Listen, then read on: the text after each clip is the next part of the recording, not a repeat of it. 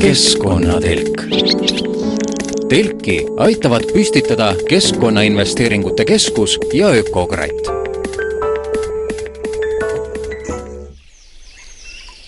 tere, Keskkonnatelk on taas püsti, mina olen saatejuht Kadri Valner ja tänane jututeema lähtub tegelikult ühest viimase nädala murelikust jutust või murelikust mõttevahetusest. nimelt aina enam ja enam on jälgi nendest harrastusfotograafidest, kes lähevad metsa või rabale ja selleks, et saada head fotot, peletavad kas pesalt või söögikohalt eemale ja ülesse linnud. võib öelda, et tulemuseks on ju väga hea foto teistpidi võib tulemuseks olla ka mahajäetud pesa. tänases saates räägivad eh, sellel teemal selle aasta parima loodusfoto tegija Jarek Jõepera, loodusfotograafia looduse tundja ning vereta jahi korraldaja Tiit Hunt ning eh, Keskkonnaameti looduskaitse juhtivspetsialist Marju Erit juttu alustamegi Jarek Jõeperaga ja tahan uurida, millised reeglid, sisemised reeglid on ühe loodusfotograafi jaoks selgeks mõeldud, enne kui ta üleüldse pildistama läheb.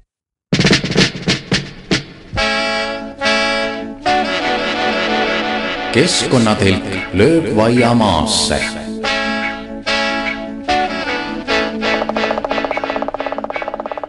meil on see üks kuulus kakupesa, mida kaugelt teavad ilmselt nüüd juba miljonid inimesed, aga just nimelt sellel nädalal sina nägid otse ja täpselt tead, kuidas äh, neid kakkusid häiriti. jah, et ma juhtumisi täpselt samal ajal tegin arvutis tööd ja see pilt oli seal lahti ja siis, siis jah, sai, oli nagu võimalus algusest peale seda näha, kuidas olid soomekeelsed hääled ja siis hakati koputama vastu puud ja kuidas need kakupojad siis sealt pes-, pesasuult sinna alla põhja hakkas, kukkusid, hüppasid, see, see moment jäi nagu nägemata.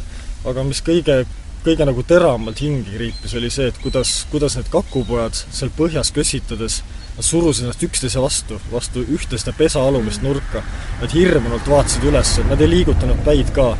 vaatasid hirmunult kümme-viisteist minutit sinna pesa suu suunas ja ja see hirm oli kuidagi näha igast ruutmillimeetrist nende keha pealt, et see oli, see oli nii tajutav. et ma ise mõtlen küll, et et inimesed, kes sellist pilti on näi-, näinud kordki elus, nad mitte kunagi ei lähe koputama pesapuu peale mm. -hmm. et see on, see oli selline kaader, mis minu pärast võiks üleriiklikus televisioonis nagu lasta uudiste kõrvale, et las inimesed vaatavad ja las nad mõtlevad korraks selle peale loo mure on selles, et, et inimesed äh, tahtes teha loodusest ja lindudest pilte, käivad looduses ja ehmatavad selle looduse üles. kas ja millised on äh, sinu kui praegu eriti tunnustatud loodusfotograafi reeglid, kui loodusesse minna? oh, sa küsid ka nii rasket küsimust või et äh, eks need, eks need reeglid ju tegelikult kehtestab igaüks endal ise.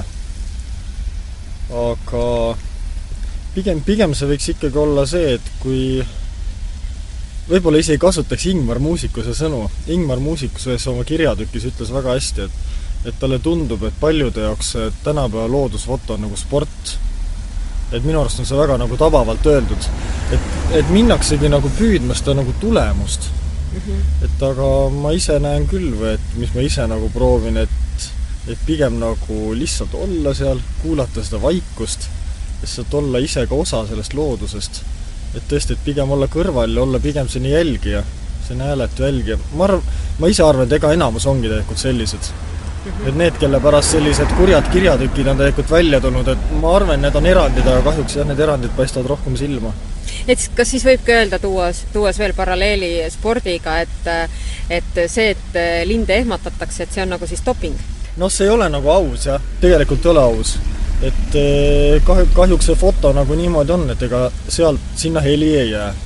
sa ei, sa ei tea nagu, mismoodi on see nagu kätte saadud, et eh, et tõesti, et kui sa, kui sa teed sellist pikka filmijuppi, sinna tõenäoliselt jääb see peale, et, et mida sa oled nagu teinud, et, et algul oli tühi ees, keegi koputas ja siis tulid pesasuule linnud. kas hea silmaga fotograaf tunneb selle ära, et kui inimene on kaasa aidanud selle pildi tekkimisel või, või sünnile? tegelikult ega ei tunne selles suhtes, et ega, ega häid looduspilte ka väga palju, eriti kui on tegemist nagu looma, loomadega, et on ikkagi ju, kasutatakse peibutamist. see on tegelikult samamoodi kaasaaitamine et aga see ei ole selline häirimine, et pigem ma arvan, et põdral võib isegi põnev olla, et teades, kuivõrd uudishimulik loom ta veel on, et et pigem on isegi huvitav, et kes, kes see nagu on, et on nagu põdra moodi, nagu ei ole ka, et hääl nagu on moodi, aga nagu ei ole ka. ma arvan küll, et tegelikult ei ole nagu aru saada. Et see, see on ikkagi niivõrd lühike nagu hetk mm, -hmm. et mõnikord see võib olla ju ainult üks, üks tuhandik, üks tuhandik sekundit, et ega selle jooksul seda ümbritsevat keskkonda ja sellest mingit lugu väga rääkida tegelikult ei jõua. et see on kahjuks jah, ega sa sealt näha väga hästi ei ole mm. -hmm. kuidas sa ise peibutad? noh, eks, eks kuigi palju ma olen seda ikka üritanud ja ja teinud ja noh, pigem, pigem on see ikkagi, et sa istud vaikselt kuskil ühes kohas ja ja või et siis teine variant tõesti, et kes, kes pildistavad palju loomi ja linde. eks seal on rohkem sellised sisse söödetud kohad mm, -hmm. kas nad viivad sinna stabiilset toitu või või tõesti istuvad ja külmetavad varjes kaks või kolm päeva, et, et kolm minutit hunti näha, mis on väga hästi tegelikult läinud. et eh, jah, tavaliselt see ongi hästi konkreetsed kohad ja lihtsalt kannatlikkust, kannatlikkust on vaja no sama on ilmselt ka ütleme, kogu selle valguse mänguga, kui, kui ei lähe nüüd ühte lindu või looma püüdma, et samamoodi raba ju ka ei ole igal hetkel ühesugune, et ilmselt peab samamoodi jälgima ja vaatama ka selle nii, nii-öelda seisva, mitte liikuva loodusega ju, et sa tabaksid selle kõige õigema ja, ja ehtsama hetke ära ei, on muidugi. noh, maastiku puhul mängib see valgus nagu eriti tähtsat rolli.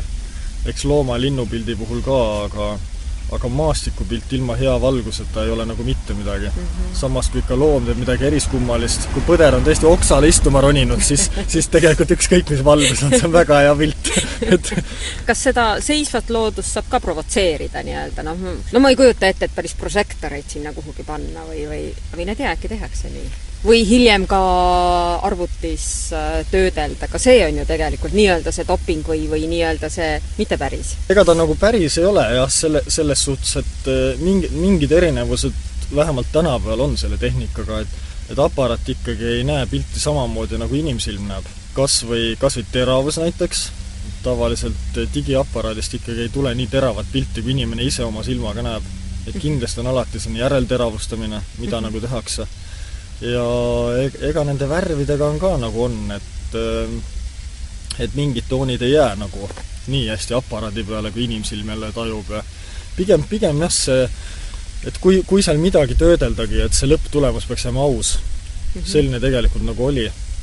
et, et loomulikult, kui, kui inimene ikkagi kirjutab, et, et tema jaoks on selgelt selline loodusfoto on tema, tema väljenduslaad, nii-öelda kunst ja ta teeb sellest nii-öelda oma arranžeeringu mm, -hmm. siis tegelikult noh, tee mida iganes. keera, keera Vahtra lehed siniseks ja et on väga nagu lahe, aga eks siin, eks siin on kaks, kaks erinevat žanri.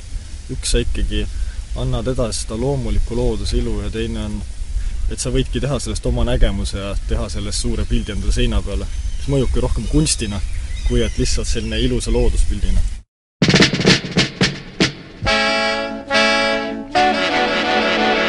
keskkonnatilk lööb vaia maasse.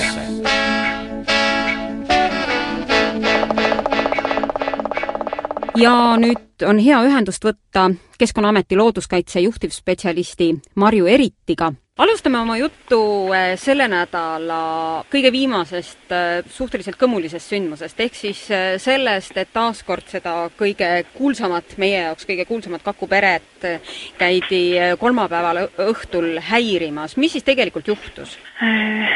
jõudsin ise sündmuskohale juhtumisi just sel ajal, kui seal oli üks grupp soomlasi ja üsna tee ääres on see Kaku pesa kaameraga ja tegelikult on ta ka juhuslikule möödakäijale nähtav, juhul kui sa oskad, oskad otsida ja vaadata linde.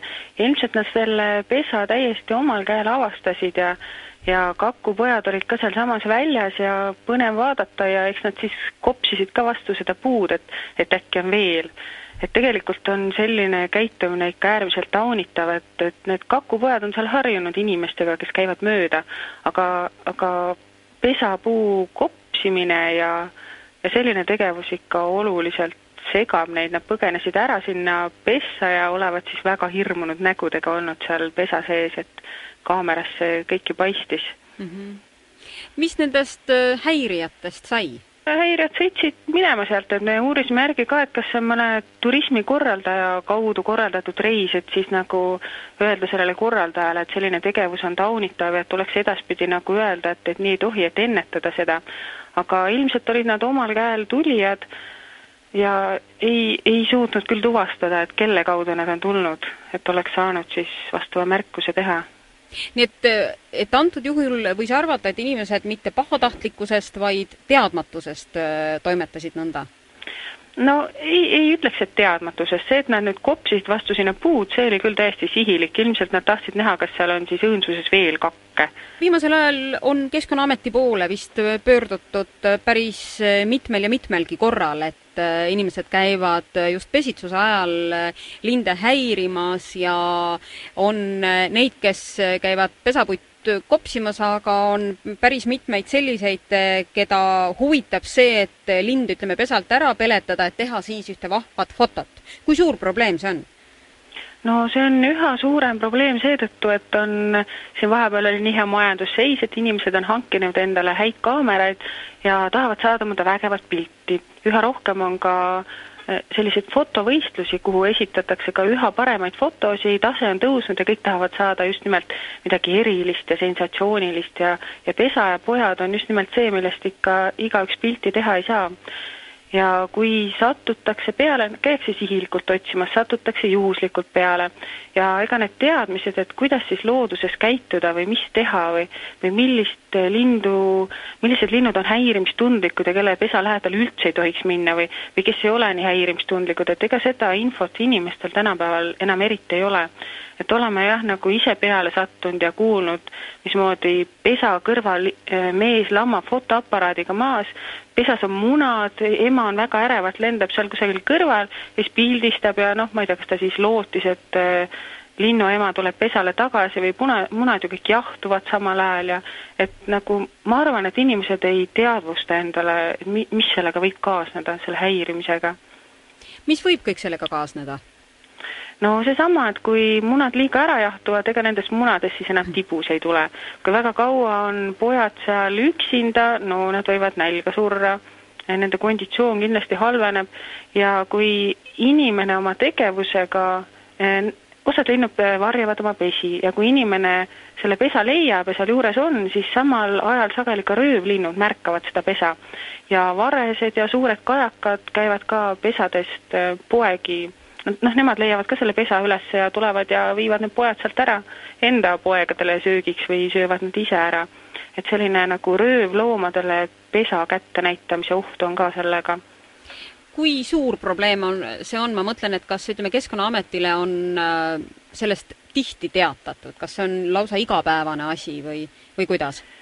No ei, seda nagu ei, kindlasti mitte igapäevaselt ja Keskkonnaamet ei ole üldse see asutus, kellele nagu tavaliselt seda infot edastatakse mm, -hmm. edastatakse pigem kas linnuklubidele või Keskkonnainspektsioonid, Keskkonnainspektsioonile, et meie oleme seda infot, ütleme, rohkem juhuslikult saanud, et olen ise ka Läänemaa linnuklubist ja pigem nagu minule kui linnuklubi liikmele edastatakse seda teavet ja, ja muret, et mis, mis siis teha või kuidas takistada mm. -hmm. aga ilmselt tuleb lihtsalt seda infot ja teavet inimestele jagada, et et on liike, kelle pesa lähedale üldse ei tohi minna, eriti pesitsemisperioodi alguses, mida, mida nooremad on need pojad või, või kui on alles pesa või pesas alles munad, et siis mitmed linnuliigid võivad selle pesa maha jätta.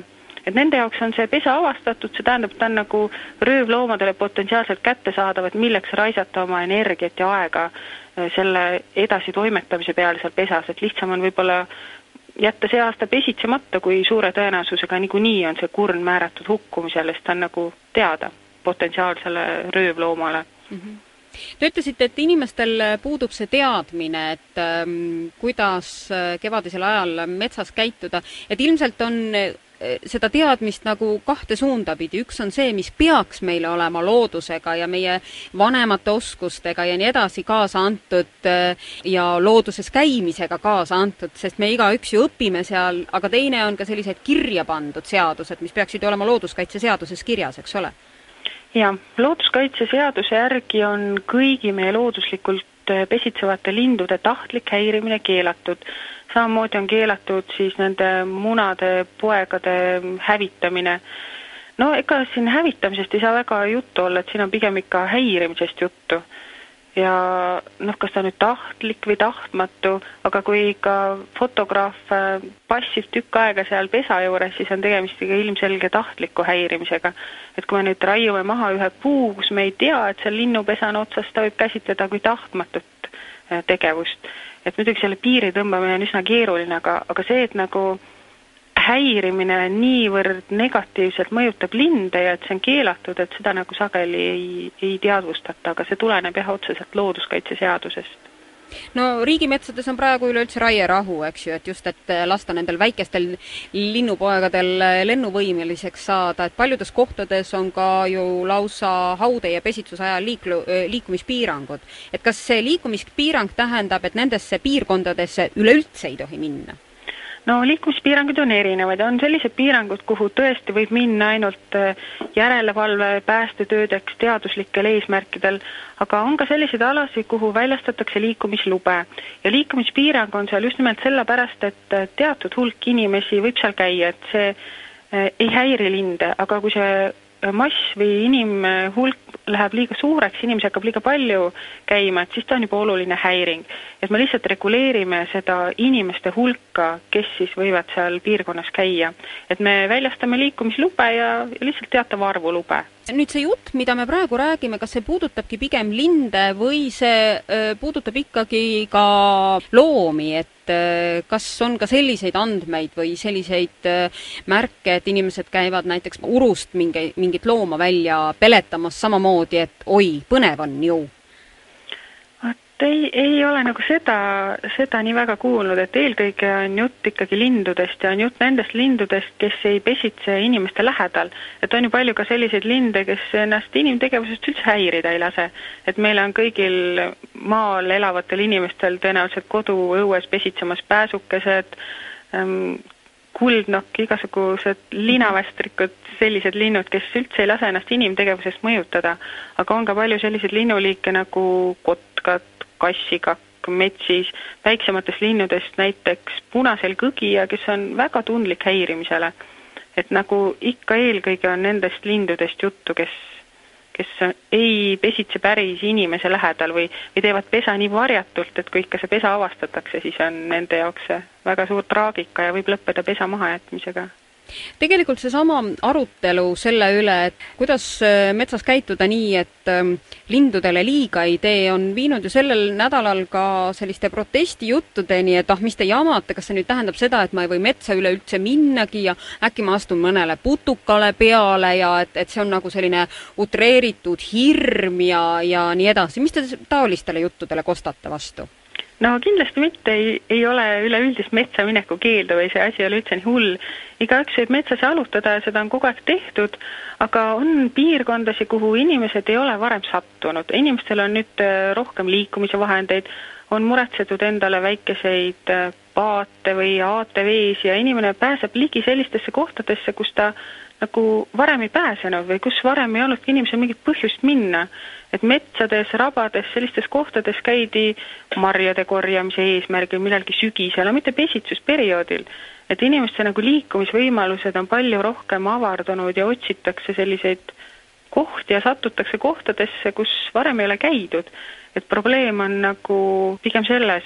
aitäh, Keskkonnaameti looduskaitse juhtivspetsialist Marju Erit nüüd on aga samal teemal hea võtta ühendust ähm, loodusfotograafi ja looduse tundja ning vereta jahi korraldaja Tiit Hundiga. Te korraldate vereta jahti, mis tähendab seda, et korraga läheb metsa suur hulk fotograafe, loodusfotograafe ja järgmine Vereta jaht on tulemas ju nüüd juba ka maikuus. enne kui fotograafid lähevad metsa, kas, ähm, kas on nende jaoks olemas mingid kindlad reeglid, mida nad jälgima peavad, et see loodus, mida nad nüüd pildistama jäävad, jääks ikkagi häirimatuks? no reeglid ühest küljest on äh, need üldkehtivad reeglid, et kus on äh, keelupiirkond või nii edasi, eks ole, sinna niikuinii ei tohi minna aga siis eh, see teine osa, eh, see mis on äh, inimesel välja kujunenud oma peas, see reegel, kuhu maani ta minna võib, see on, see on igalühel, igalühel nagu enda peas just täpselt, et et ma arvan, et see seltskond, kes nüüd veretajahti peab, nendega ei, ei tohiks selliseid probleeme tekkida, et nad häiriksid häiriksid noh, mingil määral see häirimine on niikuinii, eks ole, kas sa oled loodusfotograaf, äh, salakütt või, või muidu linnavurle, kui ikka metsa lähed ja savi siis, savi peale astud, siis jälg jääb ikka järgi. et selles mõttes noh äh,, need loodusfotograafid, see, see, kes vereta jahist osa võtavad, nende äh, respekt elu ees äh, on, on küllalt suur, et nad teavad küll, kuidas käituda looduses. ja, ja teine asi veel, et ka on üsna pikad teleobjektiivid, mis annavad võimaluse objekti suhteliselt üsna äh, niisuguselt neutraalsest kaugusest pildistada. ja veel üks aspekt on see, et äh, loodusfotograaf ju teab ka, et äh, ärritunud loomast ei tule kunagi head pilti. Loom peaks olema omas keskkonnas, omas, omas mahlas nii-öelda, et ta püüab ikkagi, loodusfotograaf püüab ikkagi võimalikult nähtamatuks jääda, kui, kui ta tahab head pilti saada kui foto peal hirv vaatab otse nii-öelda vaatajale näkku, siis see võib tähendada seda, et ta on tegelikult häiritud ja ta tegelikult teab, et teda pildistatakse. Ta on märganud, kas ta häiritud on, see on iseküsimus, sellepärast et äh, see, see on juba filosoofiline küsimus mm. -hmm. et, äh, et hirv vaatab igas suunas ja ega hirv näeb ikka elus palju kordi inimest ja, ja kas ta sellest häiritud on, teisest küljest ju võib võtta seda ka nii, et ta on lihtsalt uudishimulik ja ta vaatab, mis toimub ja mis, mis, mis see inimene ette võtab, eks ole. Ta ei mhm. pruugi olla häiritud tegelikult mingi maani kas või hasart viib selle fotograafi, et saada just nimelt ühte head äh, pilti, aga mis ikkagi on see, see piir, et millest üks endast ja loodusest lugupidav fotograaf üle ei astu. erinevale inimesele on see erinev kindlasti. no jaa, ja ma arvan, et ka erineva objekti suhtes on see erinev, et kui lähedale või kaugele ta võib sellest äh, loomaliigist või linnuliigist minna või temale läheneda. Et see, ühel liigil on see tolerants inimese suhtes suurem, teisel on väikesem. meie võime arvata, et me häirisime teda, aga see, see ei pruugi niimoodi olla, tema käitub tavapärase käitumise normi järgi.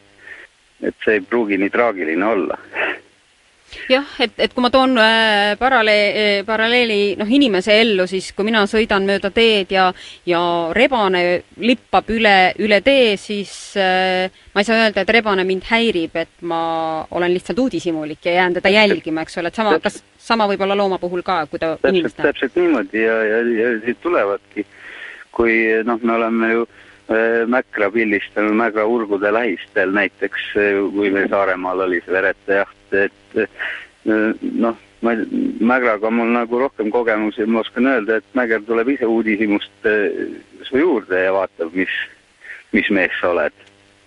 ja siis ta läheb jälle ära ja, ja ei ole häda midagi. nüüd, kui rääkida sellest kaku kopsimisest, siis äh, Eh, kunagi eh, palju aastaid tagasi oli üks metoodiline võte kaku uurijatel, et eh, kopsisidki kaku puu pihta mm. -hmm. et vaadata, et, et kuidas, kas noh, kui meie ukse või akna peale koputatakse, siis vaatame ka ju, kes seal on, et aga kui koputatakse muidugi pidevalt, siis see ajab tõesti närvi üldjuhul loodu, loodusfotograafid äh, üksteist ju teavad ja jälgivad äh, üksteise töid ja kas äh, mingit ähm, sellist ütlemist või üksteise korrale kutsumist võib ka olla, et kui sa saad aru, et tegelikult teine fotograaf ei ole korralikult käitunud, ma ei tea, kas meie fotograafide puhul seda üldse ongi nii, kas sellist ühtset nii-öelda aukohust on olemas ka loodusfotograafide seas? No ma arvan, et kui selline situatsioon tekib, siis kindlasti see, see ka korda saab aetud ja see aukohus nagu kindlasti siis võib tekkida, aga, aga nüüd, kui ma räägin nüüd sellest vereta jahist, siis seda meil nende aastate jooksul ei ole juhtunud. et on, on kuidagi hästi läinud selles mõttes sest ilmselt on loodusfotograafi üks esimesi omadusi see, et äh, austus nagu looduse vastu, et, et need mured lindude häirimisest on tulnud nende isehakanud fotograafide poolt. just, niisugused noh, ütleme siis isehakanud loodusfotograafid, kes, kes käivad ja pildistavad loodust, aga, aga neil ei ole noh, looduse olemusest ja, ja tegemistest ja liikidest ja nende käitumisest mingit ülevaadet, et see kontingent võib-olla ongi kõige raskem juhtum, et kellega võib juhtuda selliseid asju. et nad, et nad nagu astuvad liiga kaugele, häirimaks üht või teist liiki. aitäh, Tiit Funt! Ma ei tea, kuidas teiega on, aga mina küll mõnikord kujutan ette, et äh, inimene ei olegi see kõige suurem elukas siin maa peal, vaid et äh, mingi hetk võib tulla keegi veel suurem koll, plaksutada käsi nõnda ja selleks, et äh, meie oma mm, kodunt välja jookseksime ja võib-olla seetõttu, et tema saaks omadele näidata ühte toredat pilti. keskkonnatelk telki aitavad püstitada Keskkonnainvesteeringute Keskus ja Ökokratt. keskkonnatelk jätkub. ma palun teid nüüd eh, Pioneeri toimetaja Katrin Lipu koju pange silmad kinni ja kujutage ette, et te astute eh, köögiuksest sisse ja teile pahvatab vastu äädikalõhn, sest sellel nädalal katsetab eh, Katrin Lipp seda, kus majapidamises kasutada ära äädikat. ja nüüd rubriigis harjutusi roheliseks eluks hääl meelel jagab ta oma oskusi ka teiega. Övningar för ett ekologiskt liv. harjutusi roheliseks eluks. Esercizi per condurre una vita sostenibile. harjutusi roheliseks eluks Ejercicios para llevar una vida sostenible. harjutusi roheliseks eluks. tänapäeval on inimesed harjunud, et iga liigutuse jaoks on oma vahend. ja mõnikord see liigutuste ja vahendite suhe läheb täiesti totraks kätte, et kui minna suurtesse kaubanduskeskustesse, siis mõnikord äh, võib leida kõrvuti vahendeid, mis on mõeldud näiteks akende pesemiseks ja sealsamas kõrval on vahendid, mis on mõeldud peegli pesemiseks. selline vahendite paljusus on väga sageli kunstlikult tekitatud vajadus. tootja jaoks tarbija, kes ostab kümme pudelit, on kasulikum tarbija kui tarbija, kes ostab ühe pudeli. ja areneski minul mõte, et äh, võib-olla on olemas ka mõni lihtsam ja universaalsem viis paljude probleemide lahendamiseks.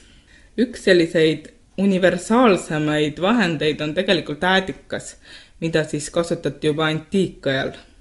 meie küll oleme harjunud pigem sellise värvitu äädikaga, mis on siis tööstuslikult toodetud, aga omal ajal oli kasutusel veiniäädikas või siis mahladest äh, tehtud äädikas. Need äädikad on pigem sellise kokandusliku taustaga, aga muudeks otstarveteks on see tööstuslik äädikas täitsa hea. ja meil pakutakse äädikat pigem sellise kolmekümneprotsendise kangusega, aga mujal maailmas räägitakse kolme kuni kuue protsendilise, et seetõttu võib mõnikord meie perenaisi või peremehi tabada üllatus, et kui nad võtavad oma kolmekümneprotsendilise ja katsetavad seda järgi, et siis kellel on hing kinni ja kellel on muud moodi kummalised tulemused, et seda nagu võiks teada. mina ise hakkasin Pioneeri jaoks ühte lugu kirjutama. tänu sellele sattus minu lugemisalasse päris mitmeid huvitavaid muid lugusid. ja praeguseks on mul kokku kogutud ligi sada erinevat nippi, kuidas äädikat saab kasutada. ma toon siinkohal välja oma valiku järgi tehtud kümme nippi, mida saab igaüks siis kasutada. kõige enam kasutust leidnud nipp eestlaste hulgas on, ma arvan, akende pesemine veega, kuhu on siis äädikat lisatud. äädika vesi teeb aknad selliseks säravaks, aga seda ainult juhul, kui ei ole siis akende kuivatamiseks kasutatud ei ajalehte ega siis äh, köögipaberit. kui kasutatakse ajalehte, et siis see trükivärv kipub halle triipe jätma, see ei ole üldse mitte ilus. ja köögipaber jätab selliseid udemeid akna peale. et akent peaks ikkagi kuivatama kas siis mikrokiulapiga või eraldi aknakuivatajaga, millel on soovitatavalt pehme kumm. siis saab väga ilusad tulemused. Teine nipp, mis mulle endale väga inspiratsiooni pakub, on köögi- ja puuviljade puhastamine äädikaga. et see on nagu eelmine kord me rääkisime, et köögiviljad on kaetud erinevate vahadega ja seal võib olla pestitsiidide jääke ja nii edasi. selle vastu saab tegelikult äädika lahusega. et tänapäeval on küll poodidesse müügile tulnud erinevad vahendid, et mis sa pihustad puuvilja peale, et siis see võtab vaha lahti, aga seal võib natukene totter olukord tekkida, et ostate neljakroonised Poola õunad ja siis pihustate sajakroonist vahendit sinna peale. tegelikult äädikaga saab natukene soodsamalt. sellise vahendi tegemiseks võetakse üks kolmandik äädikat, siin on mõeldud seda kolmeprotsendilist, ja kaks kolmandikku vett. nii lihtne see lahus ongi. kui on üksikud puuviljad vaja puhtaks saada et siis lihtsalt ma arvan, selle pihustega pudeliga on lihtsam, et pihustatakse peale, jäetakse natukeseks ajaks seisma ja pestakse siis kraani all läbi ja siis veel koorida, nii nagu ikka puuviljadega. aga kui on palju korraga, et siis on lihtsam, et kui kohe kausi sisse, et võtate vee, panete sinna natuke äädikat sisse, nii nagu vaja, ja siis panete puuviljad sinna sisse jätate rahumeeli kaussi ligunema. Et ma nüüd olen ise ka katsetanud erinevate puuviljade puhul, et olen endale koju ostnud selliseid puuvilju, mida tavapäraselt ei osta. et just sellepärast, et vaadata, kuidas, kuidas see lahus siis ka mõikab.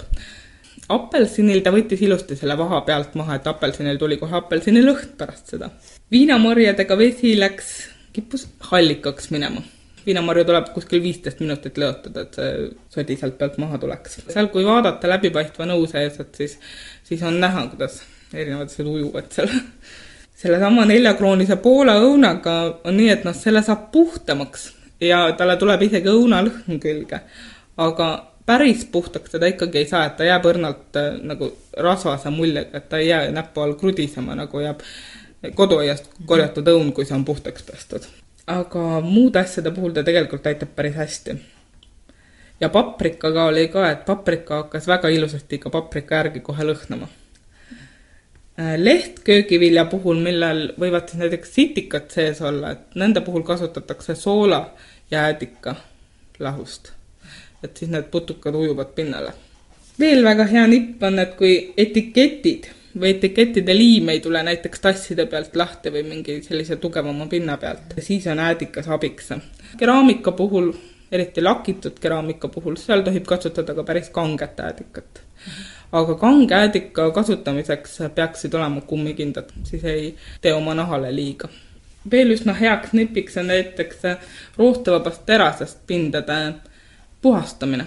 Neid pindu samuti puhastatakse siis kange äädikaga.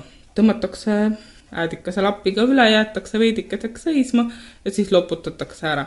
tegin võrdlevat katset veega ja äädikaga, et äädikaga pind jäi ikkagi käe all täiesti puhas, veega pinnal on selline õrn rasvane kiht peale, et päris veega puhtaks ei saa. aga samas äh, ei näinud vajadust osta mingit eri, erilist vahendit. keraamilise pliidi puhastamine on äädikaga võimalik, samuti kasutasin kanget äädikat pliit jäi särav, aga ma ei katsetanud seda nagu kõrbenud pindade puhul, et seal, seal tuleks leotamist katsetada, seda ma ei, seda ma ei teinud. siis ta võttis väga hästi ära halba lõhna nõus, kus oli piim tilgastama läinud ja äädikas aitab ka seisma jäänud külmiku puhul ja siis, kui termosesse on paha lõhn jäänud. äädika lahusega pestakse kätelt kala lõhna maha. selleks võetakse kaks liitrit vett ja üks supilusikatäis äädikat ja siis selles vees saab käsi pesta. nüüd siis seda lahjemat äädikat? jah, jah siis kasutatakse veel näiteks äh, säravate juuste saamiseks, et loputusvette pannakse veidikene jäädikat. see on meie vanaemade nipp veel. see aitab äh, šampooni jäägid peast välja, et väga sageli see vähene läige ongi tingitud sellest, et vähekene šampooni jääke on pähe jäänud. äädikat võib kasutada ka vannivee sees, et nahk ei jääks kihelema. kui kraanikausi äravoolutorudesse kipub mingi paha lõhn tulema. siis võib valada sinna klaasitäie äädikat, midagi sinna äravoolutoru peale panna, et terve tuba pärast äädika järgi ei lõhnaks ja poole tunni pärast võib siis külma veega ära loputada. et see võtab selle ebameeldiva lõhna. ja kui segada äädikat ja soodat, siis on võimalik umbes torusid lahti saada. ja siis, siis loputatakse kuuma veega veel, mis on Eestis suhteliselt levinud, on katlakivi eemaldamine äädikaga et kui näiteks veekeedu nõudes või keedukannudes on katlakivi sees, et siis tehakse selline äädika ja, ja veelahus ja siis see, seda keedetakse ja lastakse natukene seista. mida kangem see lahus on, seda ettevaatlikum tasub selle auru sissehingamisega olla, et parem on ikkagi mitte väga kanget lahust sinna sisse teha. eriti kui on veekeedukand, millel ei ole mitte lame põhi, aga on spiraal, et seal on kindlasti ka mingid tihendid, et seal võib-olla hirmkanget lahust ei maksa teha ja et ainuke asi, mis pärast jääb, on äädikalõhn, millega peab lihtsalt ära harjuma. jah. Övningar för ett ekologiskt liv. harjutusi roheliseks eluks. Esercizi per condurre una vita sostenibile. harjutusi roheliseks eluks. Ejercicios para llevar una vida sostenible. harjutusi roheliseks eluks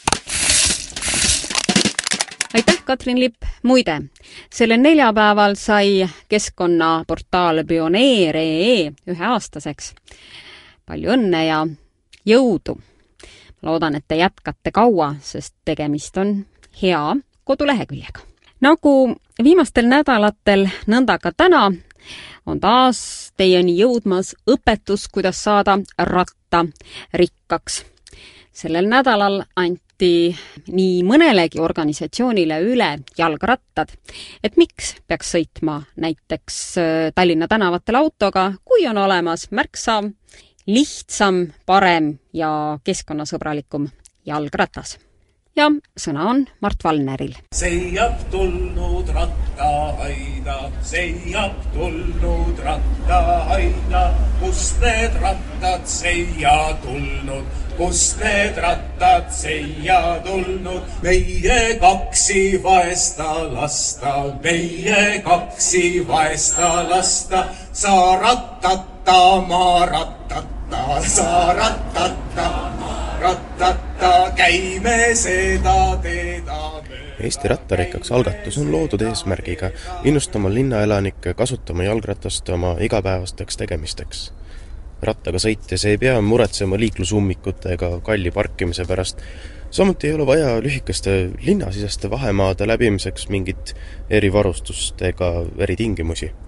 rattaga on lihtsalt lihtsam lähemalt aga räägib algatuse koordinaator Maarja Laas. ratas liikumisvahendina on igal pool suhteliselt au sees ja, ja võimalusi selleks on mitmeid tehtud, et Eesti on natukene nii-öelda vaeslapse ossa jäänud ja seetõttu ka tekkis see niisugune nimi, et Eesti rattarikkaks. suuremaid olulisemaid sündmusi, mis ase leiab, aset leiab, on veel tulemas kuueteistkümnendal mail on äh, rattalaat, mis on Uue Maailma Seltsi juures äh, ja sama päeva õhtul on äh, muuseumide öö, siis kus Tallinnas ja on erinevad muuseumid öös, ööni avatud ja, ja seal on siis tasuta ja me siis koondame grupi inimesi, kellega meil on paika pandud marsruut ja siis kõik saavad sinna veel liituda, sõidame läbi erinevad muuseumid, käime vaatame ja, ja siis naudime Tallinna linna. aga rattalaadal toimub mis, kas seal on ainult müümine, vahetamine, ostmine? seal on lisaks ostule, müügile ja vahetusele, kus tulevad erinevad rattamüüjad, on ka veel rattasõiduõpetus, turvalise liiklemise nii-öelda koolitus, rattahooldus, töötoad ja muud erinevad tegevused, mis on rattaga seotud. Aga ise sõidate iga päev rattaga? praegu ilusad ilmad ka ja no ikka jah, mina sõidan aasta ringi ja iga päev, et selles mõttes on minu igapäevane nii-öelda kaaslane. esmaspäeval jagati Eesti rattarikkaks algatuse raames jalgrattaid nii Eesti Rahvusringhäälingule kui ka Elisa sidefirmale. et näidata nende töötajate peal, kui lihtne on tegelikult rattaga linnas ringi käia.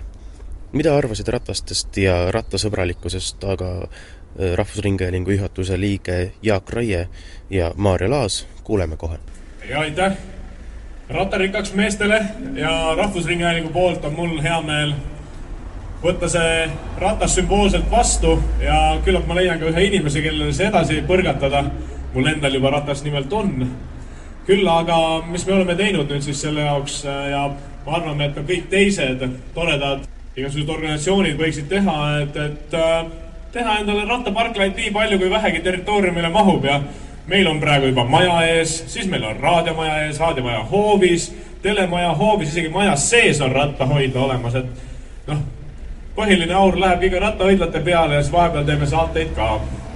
nii et äh, kõigile teistele organisatsioonidele ütlen ka, et võtke aga julgelt neid rattaid, rattarikkad mehed on täitsa rikkad rataste poolest, nagu te näete, nad annavad neid kasutada ja küllap nii mõnigi inimene leiab enda sees ka pärast sellist tahet ja soovi ja võib-olla ka paar krooni, et endale üks mõnus ja hea ratas osta, et sellega siis tööl käia ja ja miks mitte ka poes käia või, või ükskõik lastega käia sõitmas ja ja nii on elu tõesti võib-olla oluliselt, oluliselt rõõmsam ja pilt, mida näed, on hoopis teine kui see, mis autoaknast või bussiaknast paistab. sa rattata, ma rattata, sa rattata, rattata. meie käest on küsitud mitmeid ja mitmeid kordi, et kuidas te siis ikkagi selle rattaga sõidetud saate, et täna hommikulgi Margit Kilumees küsis, et te kutsute inimesi enesetapule et see linnas liiklemine ei ole ju turvaline ja see peaaegu et ei olegi võimalik, siis meie väidame, et on. Eesti Rattarikkaks algatuse raames toimub veel üks huvitav üritus, rattarikkaima ülikooli konkurss. Sellest aga räägib juba konkursi koordinaator Daniel Juhhov. konkursi eesmärgiks vast oleks see, et me saaksime andmeid üle Eesti, et mis Eesti kõrgkoolides on toimumas. sellepärast, et tihtipeale on niimoodi, et me oma ninast kaugemale ei näe ja kui me arvame, et meie ülikoolis on asjad kas hästi või halvasti, siis mm, me automaatselt paneme sellesama malli teistele ülikoolidele. Et siin üheks suureks eesmärgiks on, on saada niisugust äh, tagasisidet, et mis on siis üle Eesti ülikoolides toimumas ja see, et see tagasiside jõuaks ka ülikooli juhtkonnani ja et hakkaksid asjad reaalselt arenema selles suunas, et ülikoolide rattakultuur paraneb. et on Eesti ülikoolid praegu rattasõbralikud? ma ütleks, et Eesti ülikoolides on väga tugev rattakultuur, aga ülikoolides veel ratturid niivõrd au sees ei ole, et võiks öelda, et nad on väga rattasõbralikud. et on, on tekkimas niisugune arusaam, et, et ähm, et seda rattarikkaks algatust teevad mingisugused rattafanaatikud ja ja et tavainimesel pole sinna kohta. Tallinna Ülikoolis meeskond koosneb nendest inimestest, kes sõidavad suvilas rattaga ja mõtlevad, et võiks linnas ka nagu sõita, aga pole veel julgenud. No näiteks meil on niimoodi, et äh, praegult soojematel päevadel see üks mm, rattaparkla, see oli rataste poolt täitsa üle ujutatud ja siis eh, eriti huvitav oli see, kui ma nägin, et üks tütarlaps sõitis lihtsalt eh, keeltemajja oma rattaga sisse, eh, tuli ratta pealt maha, võttis ratta kaenlasse ja marssis trepist üles. ja jumal teab, kus see ratas lõpuks pargitud sai, aga see on väga südant soojendav pilt, kui eks ole, ratturid on leidlikud. ja millest see siis väljendub, kuidas konkurss toimub, mis seal tegema peab? Konkursil on meil kahte liiki üle, ülesanded, et ühed on niisugused äh, äh, praktilisemat laadi ülesanded ja ühed on uurimuslaadsed. põhiliseks on ikka see, et mida ülikoolid on teinud äh, rattakultuuri edendamise jaoks, palju on ülikoolis rattaid näiteks, rattaparklaid, mida arvavad tudengid rattaparkimisvõimalustest ja kuna selle Eesti rattarikkaks algatuse raames kogutakse häid näiteid, siis on meil niisugune asi Eesti Rattarikkaks äh, veebilehel nagu heade näidete kataloog. et siis tudengid ja konkursil osalejad peaksid pildistama igast huvitavaid rattaid ja rattaparklaid ja, ja siis äh, laadima need sinna veebi ülesse palju teil praeguseks osalejaid on? kõik neli suurimat ülikooli Eestis on esindatud, et nendeks on Tartu Ülikool, Eesti Maaülikool, Tallinna Tehnikaülikool ja Tallinna Ülikool nii, ja nüüd on meil liitunud ka mõned väiksemad äh, kõrgkoolid, et neid kokku on meil praegult kaheksa tükki. konkurss saab läbi viisteist mai ametlikult, et siis rohkem ei tohi me töid vastu ei võta, et kes jäävad hiljaks, et siis neid kahjuks ei saa äh, hindamisele. kõik need juhendid on meil kodukal olemas aga põhimõtteliselt lühidalt öeldes, et tuleks koguda siis oma sõpradega, moodustada meeskond ja saata meil aadressile ülikoolid.ratterikkaks.ee, see ülikoolid siis Y-ga, ja siis kohe peatselt äh, saadetakse neile vastuse äh, konkursile esitamise põhimõtteliselt sama päeva jooksul. me tahame leida need aktivistid, kes äh, viitsiksid tegeleda mm, oma ülikooli rattakultuuri probleemidega ehk siis peale konkursi lõppu on nendel meeskondadel võimalus maha istuda oma juhtkonnaga, kooli juhtkonnaga ja läbi arutada, kuidas oleks kõige parem moodus edendada seda kultuuri.